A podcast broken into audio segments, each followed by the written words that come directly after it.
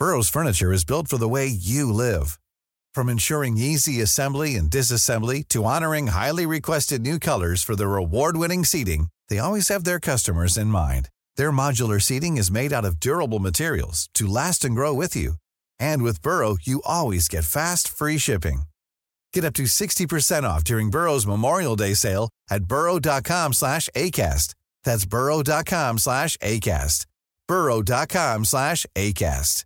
When you're ready to pop the question, the last thing you want to do is second guess the ring. At Bluenile.com, you can design a one-of-a-kind ring with the ease and convenience of shopping online. Choose your diamond and setting. When you find the one, you'll get it delivered right to your door. Go to Bluenile.com and use promo code LISTEN to get $50 off your purchase of $500 or more. That's code LISTEN at Bluenile.com for $50 off your purchase. Bluenile.com code LISTEN. Even on a budget, quality is non-negotiable. That's why Quince is the place to score high-end essentials at 50 to 80% less than similar brands. Get your hands on buttery soft cashmere sweaters from just 60 bucks, Italian leather jackets, and so much more. And the best part about Quince, they exclusively partner with factories committed to safe, ethical, and responsible manufacturing. Elevate your style without the elevated price tag with Quince. Go to quince.com slash upgrade for free shipping and 365-day returns. Palmemordet, ögonvittnen del 10. Det här är en crowdfunded podcast. Det betyder att den finansieras av era bidrag. Så om ni tycker den är bra så kan ni lämna bidrag på patreon.com slash palmemordet Patreon E-O-N på slutet. Om ni tycker Patreon verkar jättekomplicerat så kan ni även donera via Swish. Skicka mig i så fall ett meddelande på facebook.com palmemordet för att få mitt Swish-nummer. Min källa den här gången är eh, Lars Larssons bok Nationens fiende och vittnesförhören själva. Och vi har alltså kommit fram till de gående vittnena, de som promenerar. Och så här tycker Lars Larsson om dem. Ett ganska stort antal promenerande människor har på olika avstånd sett och hört skotten på Sveavägen. En del vittnen har mer att berätta än andra, helt enkelt därför att de har befunnit sig nära själva händelsen och därför sett mer. Men även de som befunnit sig längre ifrån kan ge viktig information trots att det initialt inte verkar så. Vi ska börja med just ett sådant fall. Annika och Egon. Deras berättelse hjälper oss exempelvis med att förstå mer om hur snabbt polisen kom till platsen. Därefter ska vi nämna, eller kan vi göra redan nu, vi kan nämna Anders B. Anders B är ju ett av de absolut viktigaste vittnena och ett av de få vittnen som har sett någonting innan det smäller. Vi har i detalj gått igenom Anders B's vittnesmål i avsnitt 6 av den här podden för ett år sedan ungefär. Så gå tillbaka och lyssna på det om ni vill höra mer om Anders B. Nu går vi in på Lars Larssons sammanfattning av Annika B och Egon E. Annika och Egon har i väntan på att filmen Bröderna Mozart ska börja varit på puben Tre Backar på Tegnérgatan. När bion ska börja promenerar de till Grand som ligger alldeles i närheten. Det är samma bio som paret Palme besöker men varken Egon eller Annika ser till vare sig Olof, Lisbeth eller deras son med flickvän. Först när bion är slut och de är på väg att gå ut på Sveavägen så ser Egon att Olof och Lisbeth Palme har varit på samma föreställning. De tar sig ut i foajén bland de sista besökarna. Egon lägger märke till Lisbeth när hon går mot toaletterna innan han och Annika tar sig ut på Sveavägen. De promenerar i lugn takt söderut mot Kungsgatan. Vid Adolf Fredriks kyrkogård stannar de till ett par minuter och diskuterar hur kvällens fortsättning ska se ut. De beslutar sig för att gå vidare ner mot Sergels torg. Väl framme vid Kungsgatan, just där restaurang Monte Carlo ligger, hör de två snabba skott. De vänder sig om och Egon ser efter en liten stund en man fly in i gränden till Tunnelgatan. De befinner sig nu på ungefär 90-100 meters avstånd från själva mordplatsen. Där ligger en man på marken och personer rusar till. Bilar kommer fram och parkerar vid platsen. Egon och Annika bestämmer sig för att promenera, till, promenera ner till platsen men utan att gå över gatan på så sätt att de hela tiden stannar på västra sidan av Sveavägen fram till korsningen mot Tunnelgatan.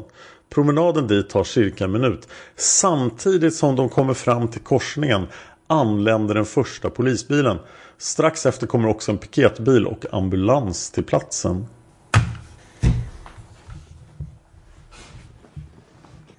Annika B förhörs redan den 2 mars klockan 17.32 av Håkansson. Och då förhörs hon som en besökare på biografen Grand. Uppgiftslämnaren har varit på biografen Grand tillsammans med en manlig kamrat. De hade bokat biljetter tidigare.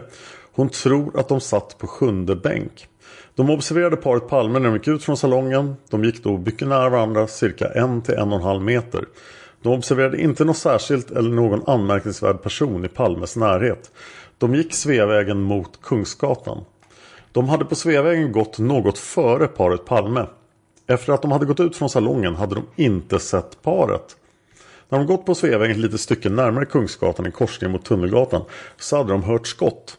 De vände sig då om, gick tillbaka ett stycke och stannade på Sveavägens västra sida.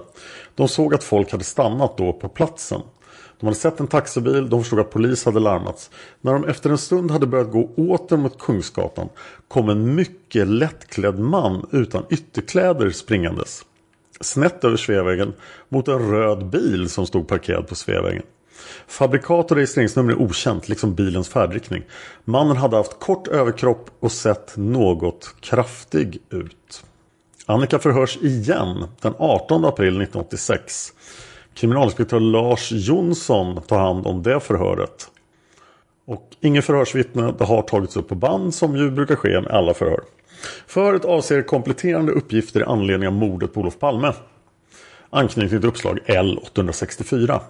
Annika berättar att hon den aktuella kvällen varit tillsammans med Egon. De har besökt puben Tre Backar, Tegnérgatan 12-14 varefter de gått till biografen Grand 9-föreställningen för att se filmen Mozart. De har suttit på bänk 6 eller 7 och inte gjort några speciella iakttagelser av händelser under filmens gång. De har inte observerat makarna Palme vare sig före bion eller under bioföreställningen. Först när de har för avsikt att lämna biografen vid 23-tiden eller strax efter klockan 23 så observerar de paret Palme när de lämnar foajén. Annika och Egon går ut före makarna Palme och de går sedan Sveavägen söderut på Sveavägens västra trottoar. Annika och Egon iakttar inte några speciella personer i makarna Palmes närhet. De har ej heller sett makarna Palmes son eller dennes fästmö. Annika och Egon promenerar i lugn takt, sida vid sida och pratar om filmen de har sett. De fortsätter Sveavägen fram i riktning mot gatorna Kammakargatan, Adolf Fredrik kyrkogata, Tunnelgatan, Apelbergsgatan dessa gator passerar man. Man korsar dessa utan att göra några direkta iakttagelser, vare sig av personer eller fordon. Plötsligt, när de har kommit fram till ungefär i höjd med Monte Carlo, så registrerar de hur det smäller. Man hör två stycken smällar och här övergår förhöret till ett dialogförhör. Förhörsledaren Annika, kan du berätta med egna ord vad du upplever? Jaha, Egon han säger att det där lät som två pistolskott och jag dementerar genast och säger nej, jag tror att det är för tidiga påsksmällar. Och då vänder han sig om och får se att det springer en person runt ett hörn vid Tunnelgatan. Att det var Tunnelgatan visste han inte då givetvis. Det springer en person där, säger han. Och ser det som en skugga som stryker förbi husväggen. Och då vaknar jag upp i mitt drömtillstånd efter filmen, så då går vi tillbaka. Och när vi kommer ungefär i höjd med Tunnelgatan så ser vi en bil som närmar sig och stannar på samma sida. Den kommer alltså norrifrån på Sveavägen och stannar strax framför oss och det kliver ur två personer. Förhörsledaren, vad är det för bil? Vad, vad är det för bil? Det var en större bil men jag har liknande en Opel men jag kan inte svära på att det var en Opel. Förhörsledaren, vad var det för färg på bilen? Annika, jag sa sist att jag trodde den var röd. Men det kan ha varit bilen som stod bakom också som var röd. Röd eller blå, jag vet inte där exakt riktigt vad det var. Förhörsledaren, stannar de i korsningen Sveavägen Tunnelgatan eller? Annika, ja jag måste titta på skissen hur det ser ut. Jag måste ha stannat ungefär här. Ja, vid korsningen Sveavägen Tunnelgatan. På den södra sidan Tunnelgatan tror jag att de stannade. På den södra sidan, säger förhörsledaren. Annika, ja, nej, eh, jag kan inte svära på det. Det kan ha varit den norra, men det var precis här vid Tunnelgatan. Och det springer ut två personer tvärs över gatan mot mordplatsen. Och det reagerar jag för, kommer jag ihåg. Förhörsledaren, vad är det för personer? Annika, ja, jag har inte märkt hur de såg ut, utan när de kom tillbaka senare, det dröjde ett tag för vi stod då och iakttog. Först sprang jag runt lite där och ville ringa men så såg vi att det var en taxibil som hade kört fram på andra sidan. Och då förstod vi att han måste ju ha larmat. Det måste ju ha varit det snabbaste sättet. Och samtidigt såg vi tre personer som stod böjda över någon som låg på marken. För vi förstod att de hade hjälp, eller den personen nu som var skjuten hade fått hjälp. Och jag tänkte så att det är ingen idé att vi går över, för då blir det bara handlingsförlamning. Det är bättre att det är färre människor då som hjälper, hjälps åt. Och sen såg jag en fjärde människa som sprang omkring och verkade chockad. Och jag visste inte om det var ett vittne som var chockad eller om det var någon anhörig till den som låg på marken. Förhörsledaren, kan du beskriva de här människorna? Vad är det för, om det är män eller kvinnor eller som du iakttar där? En man kommer jag ihåg. Ja, resten, förhörsledaren, den här som springer omkring och verkar chockad. Eh, Annika, ja det var en kvinna. Förhörsledaren, det var en kvinna. Annika, ja det såg jag att det var. Men de övriga, de var ju som siluetter. De blev det på grund av de där billyserna då som for förbi. Så såg man dem som siluetter tycker jag förhörsledaren, de här två som hade hoppat ur den här bilen som stannade i korsningen Sveavägen-Tunnelgatan. Det blir alltså ut efter Sveavägens västra sida. De kommer alltså tillbaka till bilen. Ja, och då ser du vad det är för människor. Ja, just det. Kan du beskriva dem? Det var ungefär, jag måste bara tala om när ungefär. Det var ungefär när ambulansen hade kommit som de springer tillbaka. Förhörsledaren, ja, springer de tillbaka? Annika, ja det gör de. Förhörsledaren, de springer dit och de springer tillbaka. Ja, men lite snett. Det måste ha varit på den södra sidan. För det, jag såg liksom att de kom snett springande över. Så det måste ha varit på södra sidan om Tunnelgatan. För jag såg dem springa i den riktningen. Ja, just det. Och så lägger jag märke till den ena personen, den som är föraren då. Han hoppar in på förarsätet. Och han har inte, han har inte några kläder, tröjor på sig. Alltså han, först det är en man alltså. Annika, ja han såg inte särskilt svensk ut för mig. Men det kan man ju missta sig på. Kan du beskriva honom? Annika, mörkhårig kan jag säga och inte särskilt lång tyckte jag inte. Jag var inte så förhörsledaren. Vad ålder, kan du säga det? Annika, inte så att jag lade märke till att han har någon speciell lång längd och inte kort heller utan normal längd då. Förhörsledaren, men hade du någon uppfattning om hans ålder? Annika, relativt ung. Ja, ung. En väldig... För att det ser man när folk springer också tycker jag. Det ser spänstigt ut eller inte. Förhörsledaren, ja, uppskattningsvis då? Annika, 30 max. Ja, 30. Förhörsledaren, och han hoppar in bakom ratten alltså. Annika, ja, och så kör de iväg. Förhörsledaren den andra, lade du märke till honom? Nej, men det är också en man. Ja, det är det. Är han i samma ålder? Ja, ja just det, just det. Ja, jag betraktar dem väl ungefär som i samma ålder. Förhörsledaren, vad gjorde de? Körde de från platsen direkt eller? Annika, ja de körde mot Kungsgatan och dum som jag var så tog jag inte registreringsnumret. Jag tänkte på att jag skulle, att jag borde ha gjort det egentligen. Förhörsledaren, jaha, men de hade väldigt bråttom alltså. Annika, ja det hade de. Förhörsledaren, både till platsen och ifrån platsen. Annika ifrån, ja. Men de hade tydligen vistats där ett tag eftersom de fanns där under tiden som vi var där då. Hur lång tid kan det här röra sig om alltså?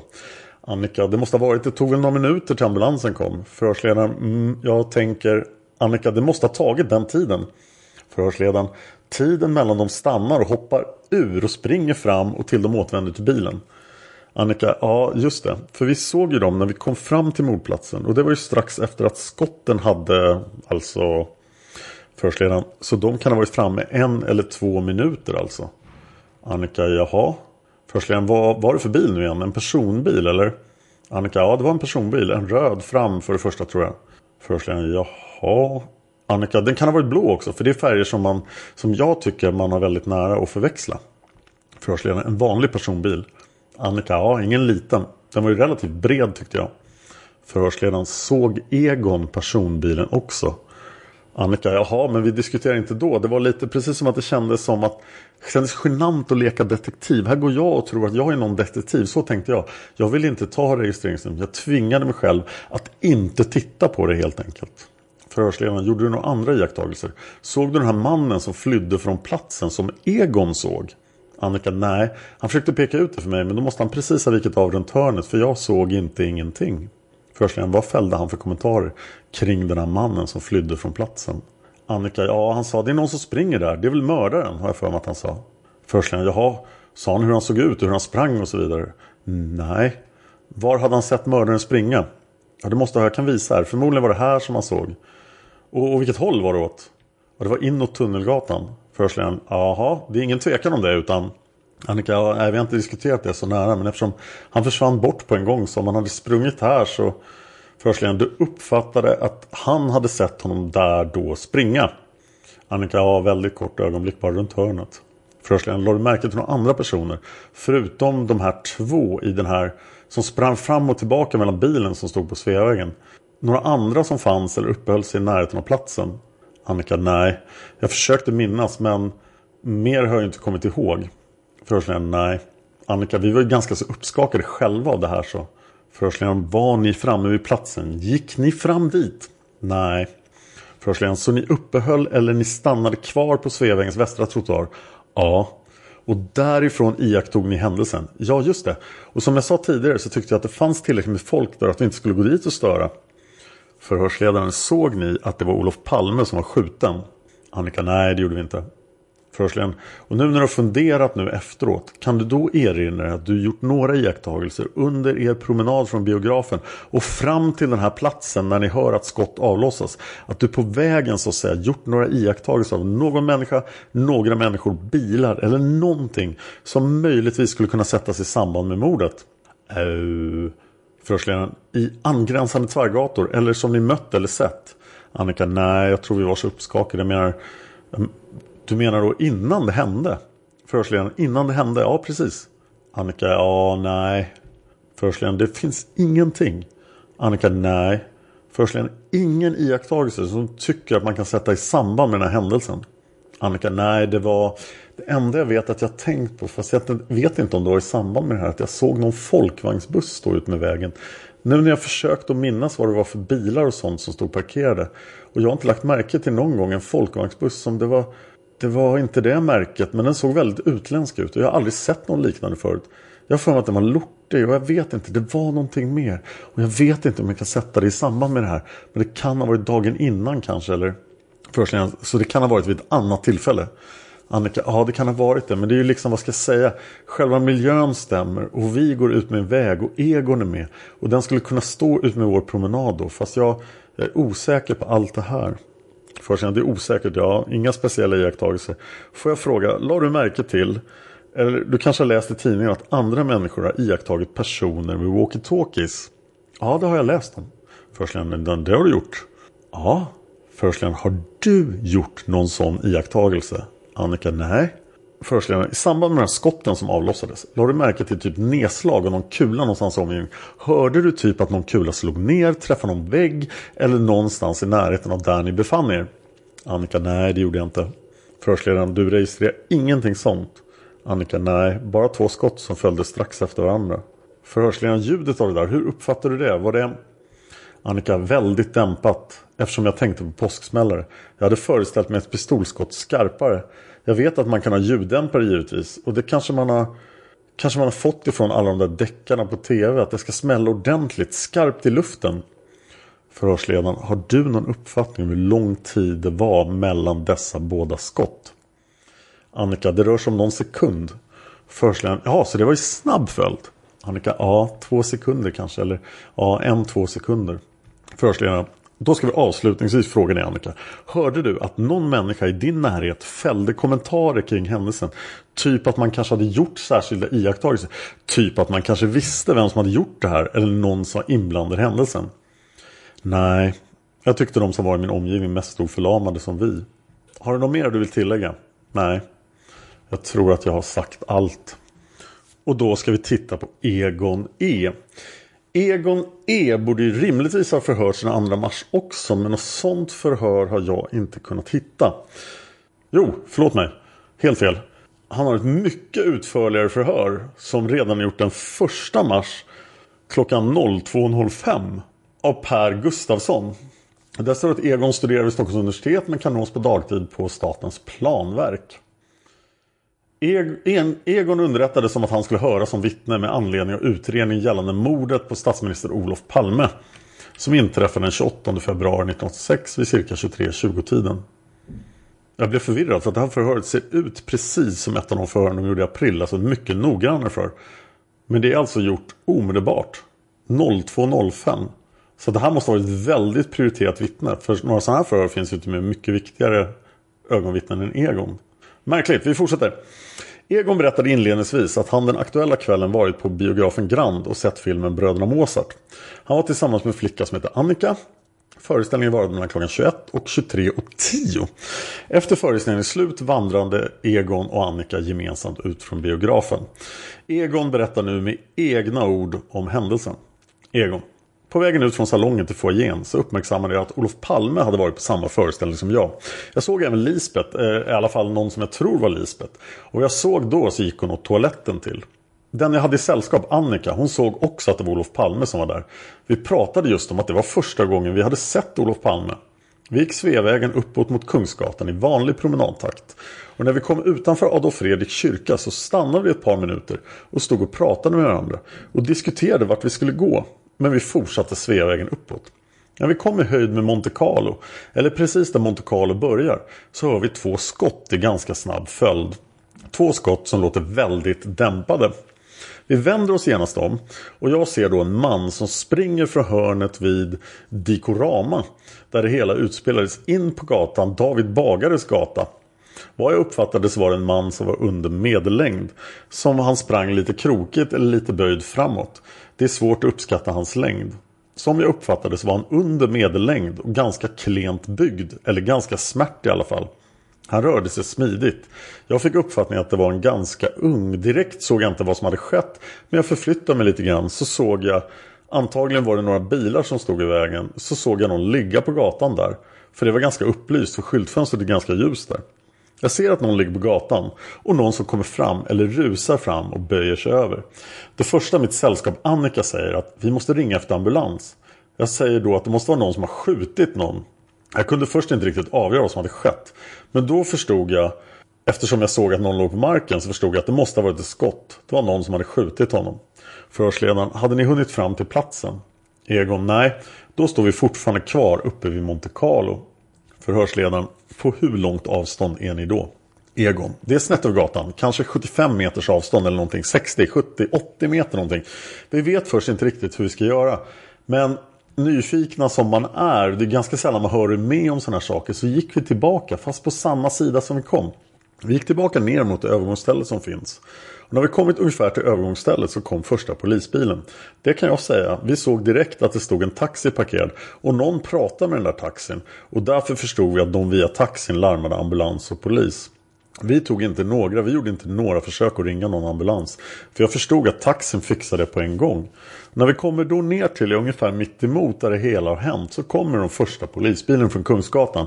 Han kör på andra sidan vägen och kör då upp på trottoaren och stannar precis framför här. Ganska strax efteråt så kommer en piketbil också från samma håll tror jag. När polisen har kommit ut då så har det samlats en hel del folk, kanske 10-15 personer som står i närheten eller runt omkring. Så kommer det även en ambulans utan sirener körande och flera stycken som springer ut mot gatan och viftar till sig den här ambulansen. Ambulansen stannar och man springer ut med en bår. Och när vi ser det här så tycker vi att vi har sett allt man kan se. Och vi hade absolut ingenting mer där att göra. Och vi försvinner därifrån. Vi gick vidare ut på stan. Senare ungefär 21 så får vi reda på via personal på en restaurang som vi sitter på. Att de säger på radion att Olof Palme har blivit mördad. Vi sätter då genast det i samband med det vi sett två timmar tidigare. Eftersom vi har sett Olof Palme vara i samma område och någon som blivit skjuten. Så antog vi att det var Olof Palme. Eftersom jag bor vid ungefär i området där det utspelades så tar jag vägen förbi Sveavägen på väg till Wallingatan där jag bor. Och passerar den här avskär området då som Förhörsledaren, du passerar brottsplatsen. Egon, jag passerar brottsplatsen och ser då en stor blodpöl där. Och frågar en av polisen om de vet någonting om gärningsmannen. Om de har fått upp några spår eller någonting. Jag nämner då att jag såg honom springa in och därför blev de intresserade av att ta mitt vittnesmål. Så du såg Palme inne på biografen? E- Egon, ja jag såg Palme när vi gick ut. Jag visste inte att han var där förrän föreställningen var slut och då passerade vi honom. Förhörsledaren och den du såg i hans sällskap, det var hans hustru. Egon, jag tog det för givet. Jag tyckte jag kände igen henne. Jag såg henne inte direkt i ansiktet. Jag såg henne bara i profil att hon vände sig bort. Och som jag såg det så gick hon mot toaletten. Annika, sällskapet som jag hade med mig, hon såg att det var både Lisbeth och Olof. Förhörsledaren, du såg ingen annan person då som verkade konstig. Egon, nej det gjorde jag inte. Och man vill inte gärna visa att man är nyfiken. Man tittar inte för mycket. Man låtsas som ingenting när man har sett en kändis. Så därför tittade jag inte något speciellt mer just då än att jag fångade upp när jag gick förbi. Förhörsledaren, men den här killen som du sen såg springa från brottsplatsen. Såg du hans ansikte? Egon, nej det gjorde jag inte. Jag stod då som jag sagt tidigare på ganska långt avstånd och det var från tiden att skotten hade smält de här två då. Sen när jag hade vänt mig om så hade det gått en liten tid naturligtvis. Och så såg jag honom bara som hastigast springa iväg. Som jag sa tidigare så är det ganska ljust vid den här platsen. Skyltfönstret i den hörnan är ganska upplyst och därför såg jag honom bara som en silhuett, en mörk silhuett. Därför kan jag inte heller säga hur han var klädd med någon större noggrannhet. Jag uppfattade inte heller några detaljer i hans ansikte. Förhörsledaren, kan du säga någonting beträffande kroppsbyggnaden? Egon, ja det har jag sagt tidigare att jag uppfattar honom som ganska smärtsmal under medellängd. Det var något som jag reagerade på direkt när jag såg honom. Jag funderade på vad man kan säga i en sån här situation om man skulle bli förhörd. Vad jag egentligen hade sett. Min andra reaktion var att det var väldigt synd att jag inte hade med mig min kamera. Förhörsledaren, men sprang han tvärs över gatan? Eller sprang han från platsen? Egon, han sprang då från platsen och sprang in på David Bagares gata. Jag tror att den heter så. Men, nej, den kanske heter Tunnelgatan här. Och hade alltså vad jag förstod befunnit sig precis intill där jag såg den här mannen ligga på gatan. Förhörsledaren sprang han Tunnelgatan i riktning mot Norra Bantorget då. Egon, nej han befann sig alltså på den sidan som är mot tunneln. Alltså han sprang mot tunneln. Förhörsledaren, sen såg du inte vart han tog vägen. Egon, nej det gjorde jag inte. Han sprang alltså runt den hörnan där det är en tunnelbaneuppgång med någon pelare. Han försvann då ur mitt synfält ganska så snabbt. Jag såg honom ta kanske tre steg eller någonting. Tre, fyra steg högst. Och sen var han försvunnen in i gränden. Där och där, både att det skymmer sikten och det, det är bra mycket mörkare in i gränden. Förhörsledaren, är det själva tunneln som leder vidare bort mot Birger Egon, ja det är samma gata. Förhörsledaren, kan han ha sprungit genom tunneln? Egon, han kan ha sprungit genom tunneln men han kan också ha sprungit upp för trapporna där. Då kommer man väl till Malmskillnadsgatan. Och det finns ju även en tvärgata där innanför som jag tror heter och vad den här gatan heter är censurerat i protokollet. Det finns ju fyra håll då som man kan ha sprungit. Förhörsledaren, men när han försvann runt hörnet så såg du inte var han tog vägen. Egon, nej det gjorde jag inte. Och jag såg heller inte någon som sprang efter honom. Även om det var en reaktion att någon skulle springa efter honom och se vart han tog vägen. Samtidigt så insåg jag att han var beväpnad. Man springer ju inte frivilligt efter någon som känner sig jagad och är beväpnad. Förhörsledaren, såg du om han hade någonting i handen? Egon, nej jag såg inte om han hade någonting i handen. Förhörsledaren, nu tänker jag fråga dig Egon, innan vi avslutar förhöret, om det är någonting mer du vill tillägga i din berättelse? Egon, nej. Jag har sagt eh, allt som jag kan komma ihåg just nu och jag har inget mer att säga. Förhörsledaren, då avslutas förhöret klockan 02.20. Men efter att ha lyssnat igenom förhöret så vill Egon göra följande tillägg. Egon uppgav vidare att efter det att Palme hade blivit skjuten så hade han och flickan vandrat ner mot brottsplatsen. När de befinner sig i korsningen på andra sidan gatan såg han att det kom en bil från Adolf Fredriks kyrka åkande Sveavägen i riktning mot Kungsgatan. I nämnda korsning stannade bilen och en av personerna hoppade ur och sprang över gatan fram till den skjutne mannen. Kort därefter återvände personen och hoppade in i bilen som åkte från platsen. Egon tillade att det, vid detta tillfälle hade den första polisbilen kommit till platsen. Han tillade vidare att eventuellt hade också den första piketen kommit till platsen. Beträffande bilen så kan Egon inte uppge färg eller fabrikat. Ynglingen som hade varit fram och tittat på offret var passagerare i bilen. Beträffande föraren så hade Egon inte lagt märke till denna man närmare. Ynglingen som sedan hoppar in i bilen igen uppfattar Egon till att vara cirka 175-180 cm lång, smal kroppsbyggnad och han hade inga ytterkläder på sig. Beträffande kläderna så tyckte han att mannen hade mönstrad tröja och lågskor. Han var mörkhårig och Egons första tanke när han såg mannen var att denne kunde vara sydeuropé. Killen verkade vara ganska ung och Egons uppfattning var att mannen var cirka 20 till 25 år gammal. Det här förhöret kompletteras av Dick Lönnblad som förhör Egon.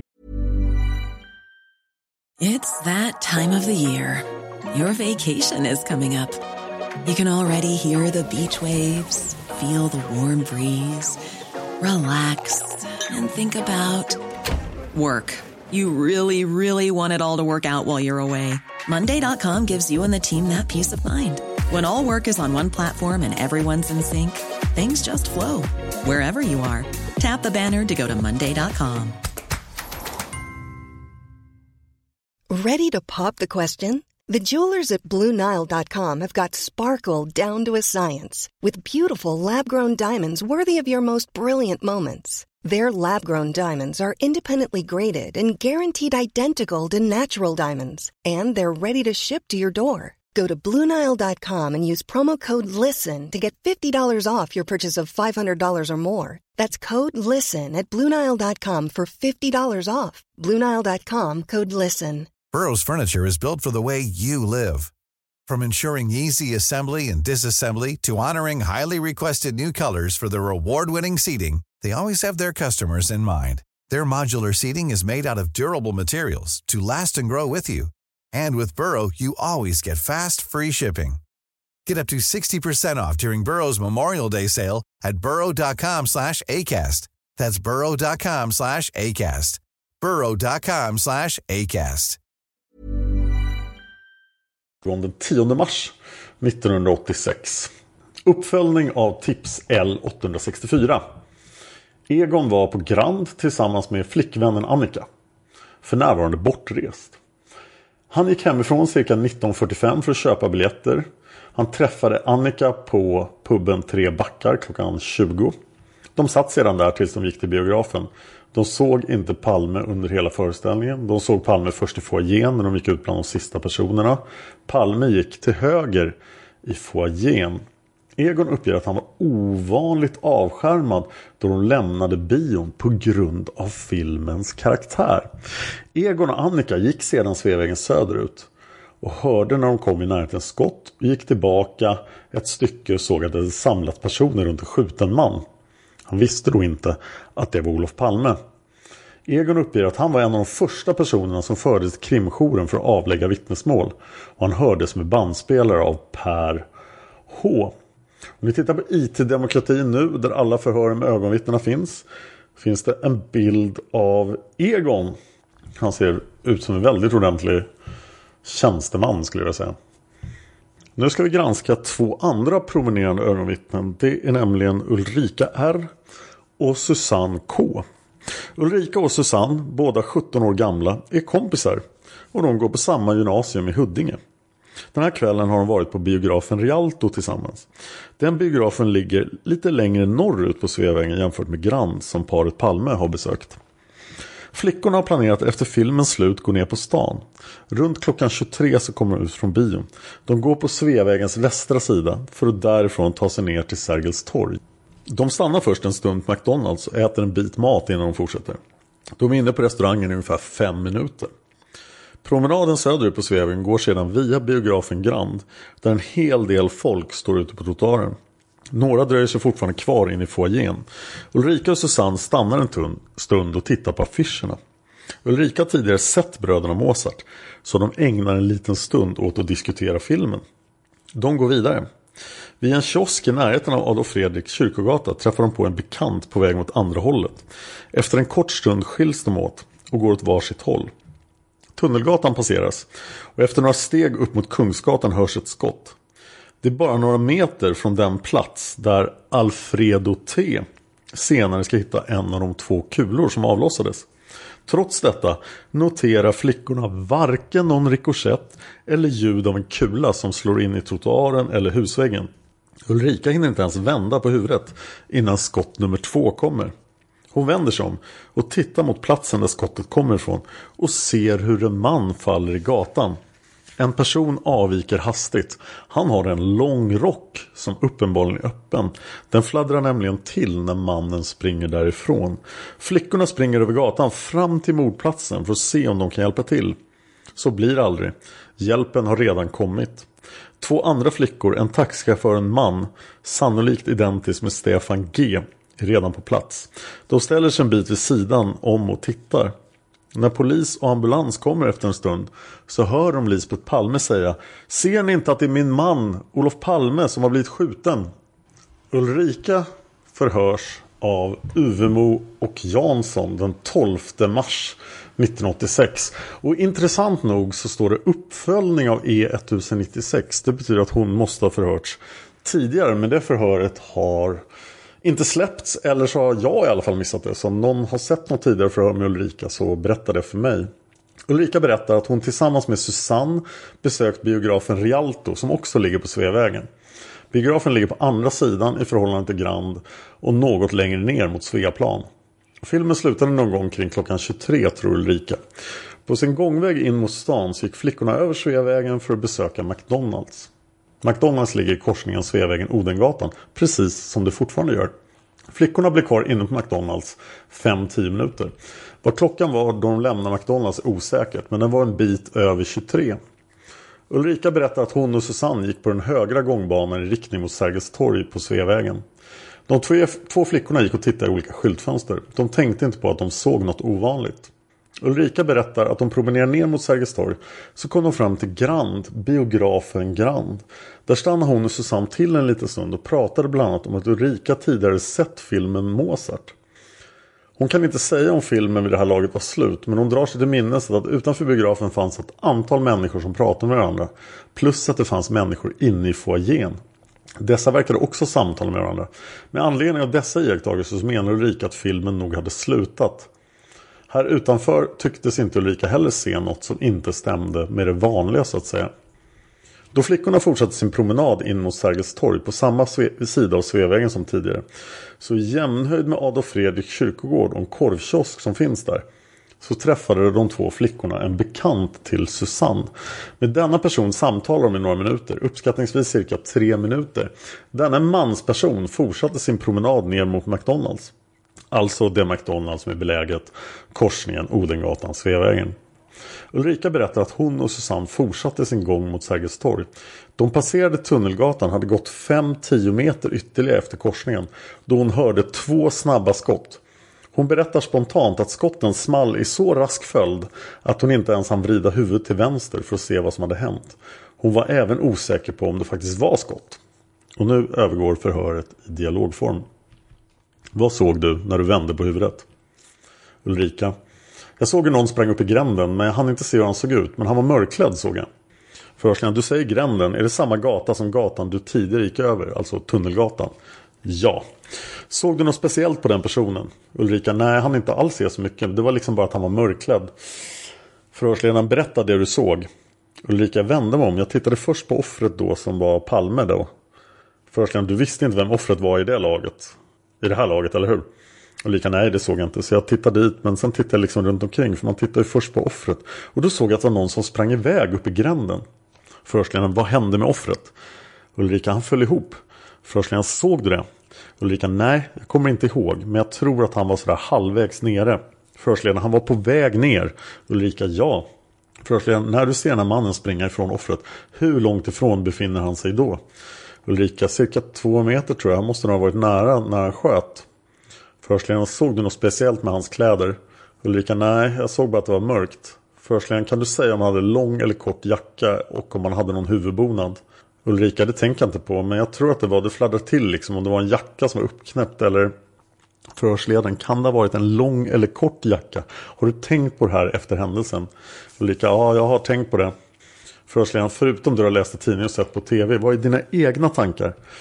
Ulrika, klart jag har blivit lite påverkad också. En del säger att det var en halvlång jacka och det kanske det var då tänkte jag. Men jag tänkte bara på att det var mörkt från början. Förhörsledaren, den minnesbilden du har är att han var mörkklädd och att du såg någonting fladdra till. Ja. Förhörsledaren, kunde du se om det var jackan som fladdrade till? Ulrika, ja det måste det ha varit i sådana fall. Förhörsledaren, men är du inte säker på om det var lång eller kort? Ulrika, nej det var halvlång kanske. Förhörsledaren, vad innebär halvlång? Ulrika, så här hit till förhörsledaren. Du visar ner på halva låret ungefär. Såg du om man hade någon huvudbonad? Ulrika, nej det var så mörkt.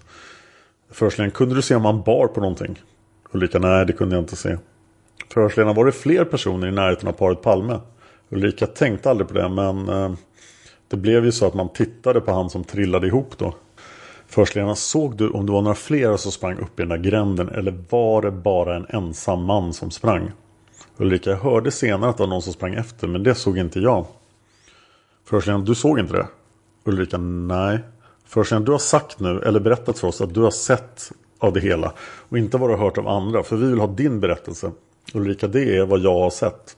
Förhörsledaren, efter att du ser offret falla ihop, du ser mannen springa iväg. Gick du över gatan då? Ulrika, ja vi sprang över direkt. Vi tänkte att vi skulle försöka hjälpa till då. Fick du höra någonting speciellt? Ulrika, nej inte direkt. Men när vi kom över så hade, det kommit, hade de där två tjejerna kommit. Så var det någon kille där. om vi hade kunnat hjälpa till med något sånt. Men då skulle vi kanske bara varit i vägen. Förhörsledaren, såg du någon person i täckjacka? Ulrika, nej det tänkte jag inte på. Och sen skriver förhörsledaren i protokollet och går ifrån dialogformen helt plötsligt. Skriver, hon berättar rent spontant att hon tror att gärningsmannen, Palmes mördare, sprang på den högra sidan av Tunnelgatan när han försvann in i gränden. Ulrika tillfrågas vidare om hon möjligen såg gärningsmannen eller någon annan person springa upp för trapporna. Till detta säger hon nej. Men att hon även tänkte att det kanske är en galning så han kanske skjuter oss också. Hon säger även att det var becksvart och mörkt ute så att man inte kunde se något. Sen blir det dialogform igen. Förhörsledaren, i vilket läge fick du reda på att det var Palme som blivit skjuten? Ulrika, det var när Lisbeth Palme själv sa. Ser ni inte att det är min man Palme som har blivit skjuten? Förhörsledaren, sa hon det till personerna runt omkring? Ulrika, ja hon sa det till ambulansförarna och poliserna. Förhörsledaren, förhöret är slut klockan 09.28. Och för att vara tydlig fanns det då alltså en, en polisinspektör som heter Inge Uvemo och en som heter Seth Jansson och det är de som höll i det här förhöret. Susanne K. Som då alltså var tillsammans med Ulrika den här kvällen. Hon förhörs den 12 mars. Också av Uvemo och Jansson. Och det är också en uppföljning då. Så det är frågan om en uppföljning av förhöret med bägge två. Eller av en av dem. Eller någonting. Men någonting har hänt innan. Samtalet börjar 09.30 med Susanne. Susanne berättar att hon tillsammans med Ulrika besökt biografen Rialto som ligger på Sveavägen i närheten av Sveavägen och Odengatan. Eh, den biografen ligger på samma sida av Sveavägen som Palme blev skjuten på. Filmen slutar någon gång kring klockan 23. Eh, efteråt lämnar flickorna biografen och gjorde ett besök inne på McDonalds som ligger i korsningen Sveavägen-Odengatan. Flickorna korsade med andra ord Sveavägen för att komma till McDonalds. Flickornas besök inne på McDonalds rörde sig om 3-4 minuter. Därefter fortsatte de sin promenad på gångbanan som McDonalds ligger på och in mot stadens city. Flickorna kom till biografen Grand så stannade de där för att titta på bilder. Anledningen till detta uppehåll var att Ulrika hade varit där och sett den aktuella filmen. Och då pratade flickorna om detta. Hon tror att även denna film slutat på Grand eftersom hon såg människor utanför biografen. På sin fortsatta gångväg så säger Susanne att hon träffade en bekant till henne. De sammanträffade med denne mansperson i närheten av en korvkiosk. Hon säger att hon inte är sig själv så väl orienterad vad gäller Stockholms gator. Och hon vet inte om korvkiosken är belägen före eller efter biografen. Hon informerades dock av kriminalinspektörerna Uvemo och Jansson att korvkiosken ligger vid Adolf Fredrik kyrkogata. De samtalade bara med denna person några minuter varefter hon fortsatte ner mot Odengatan till. Flickorna fortsatte då sin gångväg, kom fram till Tunnelgatan, gick över Tunnelgatan och fortsatte fram. Hon vill mena att de bara precis passerat Tunnelgatan då hon hörde dessa skott. Hon säger att hon tror att hon hörde två skott. Skotten kom i snabb, snabb följd. Susanne kommer ihåg att hon blev väldigt rädd och skrämd då hon hörde skotten. Och att hon skrek liksom i rädsla. Då hon vände på huvudet och såg ut över Sveavägen så såg hon att en person låg på marken. Hon säger även att hon utöver den personen som låg på marken såg någon springa därifrån. Och att personen i fråga var klädd i mörka kläder. Den springande personen var kanske 4-5 meter ifrån personen som låg på marken. Hon säger att personen sprang in i gränden. Men det är okänt på vilken sida av gatan han sprang. Hon berättar spontant att hon och Ulrika sprang över Sveavägen direkt efter skottlossningen. Detta med anledningen av att försöka hjälpa till. Hon tillfrågas då om hon kan berätta någonting om personens klädsel förutom att den var mörk. Till detta säger hon att hon inte såg något annat utöver det. Hon kan med andra ord ej avgöra om den var lång eller kort. Det enda hon kan säga med säkerhet var att kläderna var mörka. Susannes uppmärksamhet riktades till stor del på den person som låg på gångbanan. Då hon kommit över gatan fanns även en del andra personer, bland annat två flickor och en taxichaufför samt eventuellt någon mansperson. Då denne man, mörkklädde man, sprang in i gränden på Tunnelgatan så befann sig Susanne tillsammans med Ulrika på andra sidan Sveavägen och Tunnelgatan. Utöver detta har Susanne ej sett något som hon uppfattar som egendomligt. Hon är tillfrågad om detta flera gånger under samtalet. Förhöret slutar 09.49. Den 29 mars 1986 så tar B. Ödmark upp eh, ett telefonsamtal från Susanne.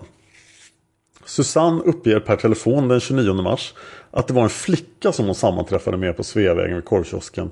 Ej som felaktigt anges i förhöret en mansperson. Flickan heter Gunilla D och är förhörd. Men den 11 april 1986 så förhörs Susanne igen av kriminalinspektör Lars Jonsson. Förhöret avser vittnesmål avseende mord på Olof Palme och ärendeuppföljning av spaningsförslag E1096-2. Innan förhöret påbörjas delger Susanne innehållet i tidigare förhör. Hon bekräftar dess innehåll men vill påpeka vissa punkter i detta förhör. Hon säger att besöket McDonalds kanske var fem minuter istället för som tidigare sagts tre fyra minuter. Hon säger att man stannade vid biografen Grand och tittade där på bilder avseende Mozart-filmen. Man stod där i några minuter, kanske två minuter. Men senare under promenaden på Sveavägen söderut på den västra sidan så stöter man på en bekant till henne. En flicka som heter Gunilla D. Hon är tidigare hörd. De stod och samtalade några minuter med varandra. Susanne vill minnas att Gunilla eventuellt tillsammans med sitt sällskap besökt någon restaurang. Man skildes och Susanne och Ulrika går Sveavägen söderut. De passerar korsningen mot Tunnelgatan och har just kommit ett par meter söder om korsningen. Då man registrerat två skott i snabb följd. Och nu övergår förhöret till dialogform. Förhörsledaren. Susanne, hur många meter tror du att ni hade kommit förbi korsningen med Tunnelgatan när du registrerade de här två skotten? Eh, två, tre meter. Förhörsledaren, du gick alltså till höger om Ulrika? Susanne, ja. Gick ni bredvid varandra? Ja. Förhörsledaren, de här skotten som avlossades, de var i snabb följd säger du. Kan man räkna mellan skotten, exempelvis 1, 2, 3 och så vidare? Eller hinner man räkna? Susanne, nej man hinner inte räkna. Förhörsledaren, det går så fort. Susanne, ja. Förhörsledaren, var det väldigt hårda knallar, smällar? Susanne, ja det tycker jag att det var. Förhörsledaren, var det det? Susanne, ja. Förhörsledaren, var det högt ljud? Susanne, ja. Förhörsledaren, kan du jämföra ljudet på något sätt med någonting annat? Susanne, jag trodde att det var några smällar eller någonting som var i närheten av oss. Det var högt. Annars hade jag inte blivit rädd. Förhörsledaren, var det väldigt högt alltså? Susanne, ja, jag tycker det i alla fall. Förhörsledaren, vad gjorde du precis när du hörde de här två skotten? Susanne, då vände jag mig om. Och jag såg då att en låg på vägen på andra sidan gatan och en sprang iväg. Då förstod vi att någon hade blivit skjuten eftersom vi hörde skott. Förhörsledaren, får jag fråga, precis i samband med att du hörde de här två skotten avlossas. La du märke till någonting framför dig? Typ att någon kula, någon rikoschett slog i exempelvis husvägg eller vid trottoaren eller någonstans? Susanne, nej. Förhörsledaren, det gjorde du inte. Susanne, nej. Förhörsledaren, du såg ingenting sånt. Susanne, nej. Utan jag vände mig om och då lade jag inte märke till något. Förhörsledaren, den här mannen. Kan du närmare i detalj beskriva vad det första du ser av honom? Alltså han som springer iväg. Susanne, det enda jag lade märke till var att han hade mörka kläder. Jag vet inte något mer om det var en rock eller sånt. Jag såg bara att det var mörkt. Han hade mörka kläder på sig. Förhörsledaren, såg du om han hade någonting på huvudet? Susanne, nej det såg jag inte. Jag såg inte om han hade någonting på huvudet eller om han inte hade någonting på huvudet. Förhörsledaren, mörka kläder. Du har inte en uppfattning om vad det var för slags kläder. Om det var en rock eller en jacka eller vad det nu var. Susanne, det gick så snabbt. Jag hann bara se en skymt. Förhörsledaren, var det något speciellt som du lade märke till beträffande hans klädsel? Något som var ögonfallande på något sätt? Susanne, nej. Förhörsledaren, ingenting. Susanne, nej. Förhörsledaren, var byxorna också mörka? Susanne, ja jag tror det. Förhörsledaren, fanns det någonting som var ljust i hans klädsel eller i hans person? Susanne, jag vet inte. Förhörsledaren, såg du någonting av hans ansikte? Susanne, nej, han hade sprungit. Han var ju på väg in i en gränd och jag såg ingenting sånt. Förhörsledaren, hur långt ifrån den på gatan liggande mannen är den springande mannen när du ser honom? Susanne, 3-4 meter. Förhörsledaren, 3-4 meter. Susanne, ja. Förhörsledaren, och han springer du i riktning Tunnelgatan österut, in i gränden? Susanne, ja. Förhörsledaren, kan du säga någonting om på vilket sätt han springer? Susanne, nej jag vet inte. Förhörsledaren, var det någonting anmärkningsvärt? Susanne, nej det var bara att han sprang. Förhörsledaren, hur springer han? Sprang han fort? Susanne, ja jag hann inte se så mycket. Jag ser bara att någon sprang in. Förhörsledaren, ett mycket kort ögonblick. Susanne, ja det var det. Förhörsledaren, uppfattar du att han hade någonting i händerna? Någon väska eller någonting annat? Susanne, nej jag vet inte. Förhörsledaren, fanns det någon annan person i närheten av den springande mannen? Susanne, nej det fanns det inte. Det tror jag inte. Förhörsledaren, la du märke till någon ytterligare person i första skedet så att säga direkt när du tittar åt det där hållet förutom den liggande mannen och förutom den flyende mannen? Susanne, nej. Jag såg då Lisbeth Palme men jag såg inte att det var hon men jag såg att hon böjde sig ner där. Jag tror inte det var mycket folk där runt omkring på den sidan. Förhörsledaren, var det någon förutom de här tre då? Mannen som ligger, mannen som springer och kvinnan som sedan visar sig vara Lisbeth? Susanne, nej. Förhörsledaren, du har ingen minne av att du registrerar någon annan människa? Susanne, nej det har jag inte. Förhörsledaren, efter vad jag förstår av att du tidigare berättat så begav ni er över gatan till den här platsen, du och Ulrika. Är det riktigt? Susanne, ja. Förhörsledaren, och det gjorde ni direkt eller? Susanne, ja det gjorde vi. Förhörsledaren, kan du berätta vad ni gjorde för andra iakttagelser då? Såg ni några andra människor? Susanne, ja jag tror att när vi kom dit då kom vi ungefär samtidigt som den där Anna. Eller vad hon heter. Förhörsledaren Anna H. Susanne, ja och hennes kompis. Jag tror att vi kom ungefär samtidigt. Eller så hade de precis kommit. Taxichauffören som stod parkerad, han stod där också. Och han kom precis samtidigt som vi. Förhörsledaren, la du märke till någon person? Någon som uppträdde egendomligt på något sätt? Eller någon som avvek från de övriga i sitt sätt att vara? Susanne, nej det gjorde jag inte. Förhörsledaren såg du någon ytterligare person som avvek från platsen eller i närheten av platsen? Antingen till fots eller i något fordon? Susanne, jag la inte märke till något sånt. Förhörsledaren, innan ni hade passerat korsningen med Tunnelgatan, alltså precis innan de här skotten. Hade du sett Olof Palme och Lisbeth Palme då? Susanne, nej det hade jag inte. Förhörsledaren, ja det hade du inte. Hade ni, kommer du ihåg det, om ni hade gick tillsammans med många andra människor på trottoaren när ni passerat Tunnelgatan. Kommer du ihåg någonting om det? Om det fanns bilar eller andra personer i närheten? Susanne, ja det fanns det. Det fanns bilar som körde och framför oss tror jag inte det var så mycket. Men bakom oss tror jag nog att det var, jag vet inte. Förhörsledaren, la du märke till någon person här i själva korsningen vid Tunnelgatan, Sveavägen på den sida som du gick? Susanne, nej. Förhörsledaren, det gör du inte. Susanne, nej.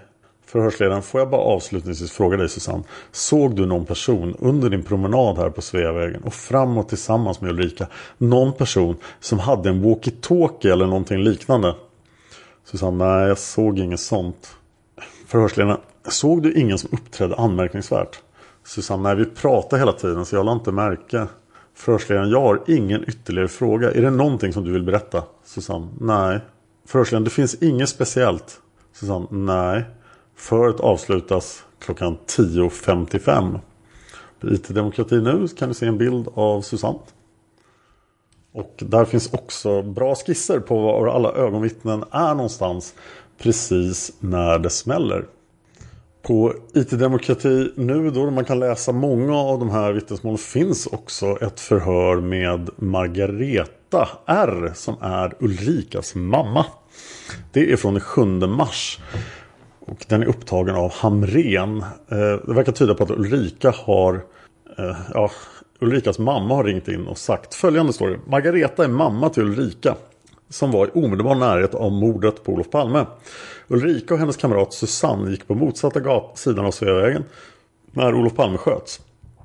De sprang omedelbart till, polis, eh, till platsen. De blev hörda av polis på plats. Men de lämnade inte några uppgifter om sig själva. Eftersom polisen aldrig frågade dem om några. Mamman tyckte att de borde höra av sig men flickorna är chockade och mår mycket dåligt över det inträffade. Och det intressanta med det korta förhöret över telefon är just hur uppgifterna hanterades på själva mordplatsen.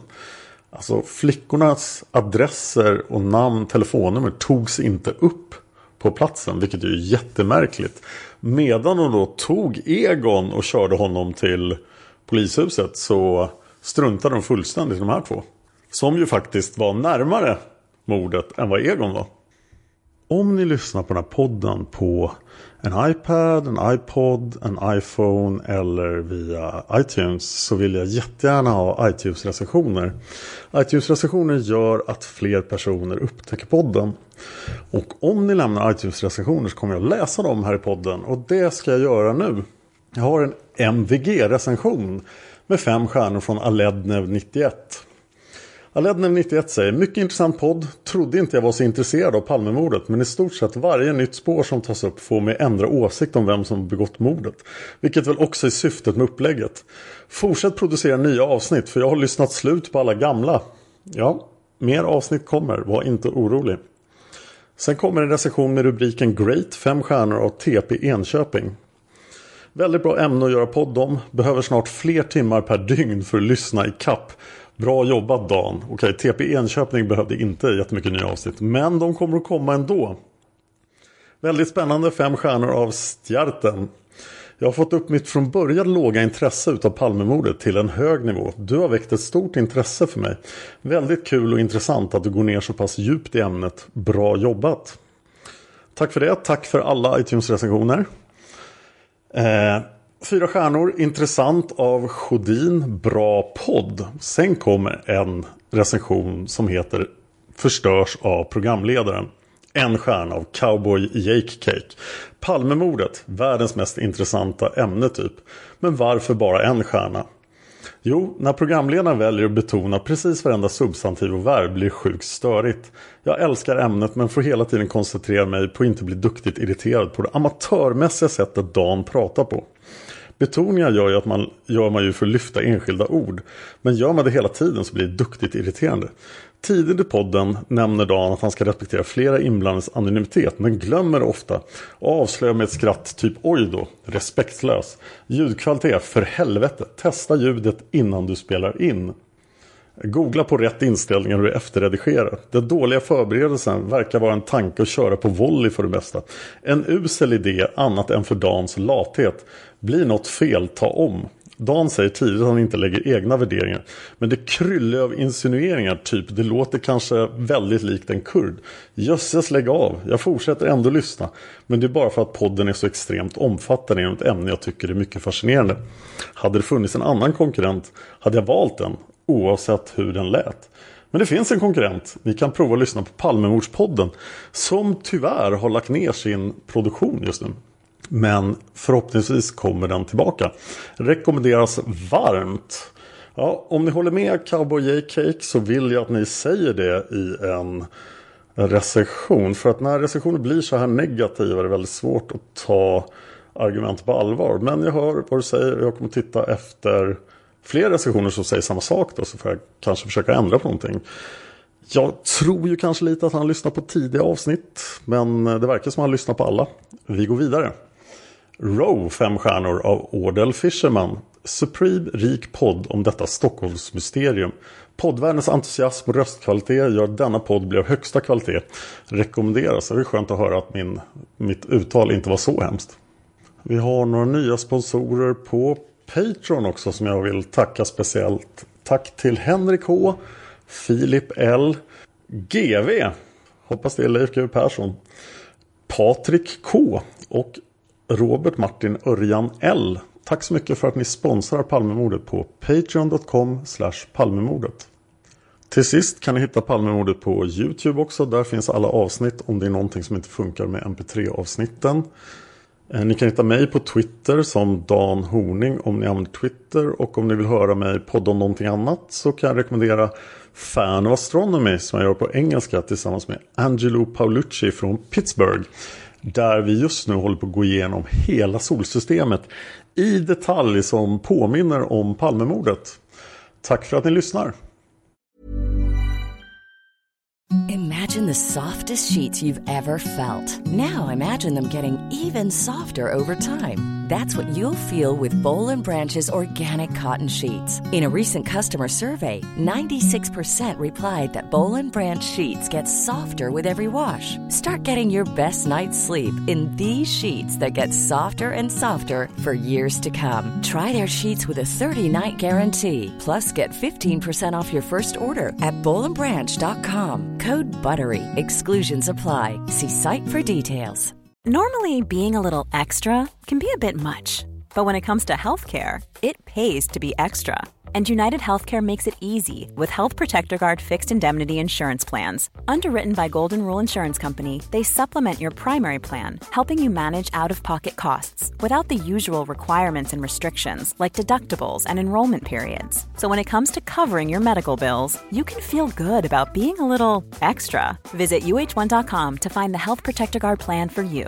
Hey, it's Paige DeSorbo from Giggly Squad. High quality fashion without the price tag. Say hello to Quince. I'm snagging high-end essentials like cozy cashmere sweaters, sleek leather jackets, fine jewelry, and so much more. With Quince being 50 to 80% less than similar brands. And they partner with factories that prioritize safe, ethical, and responsible manufacturing. I love that. Luxury quality within reach. Go to quince.com slash style to get free shipping and 365 day returns on your next order. Quince.com slash style.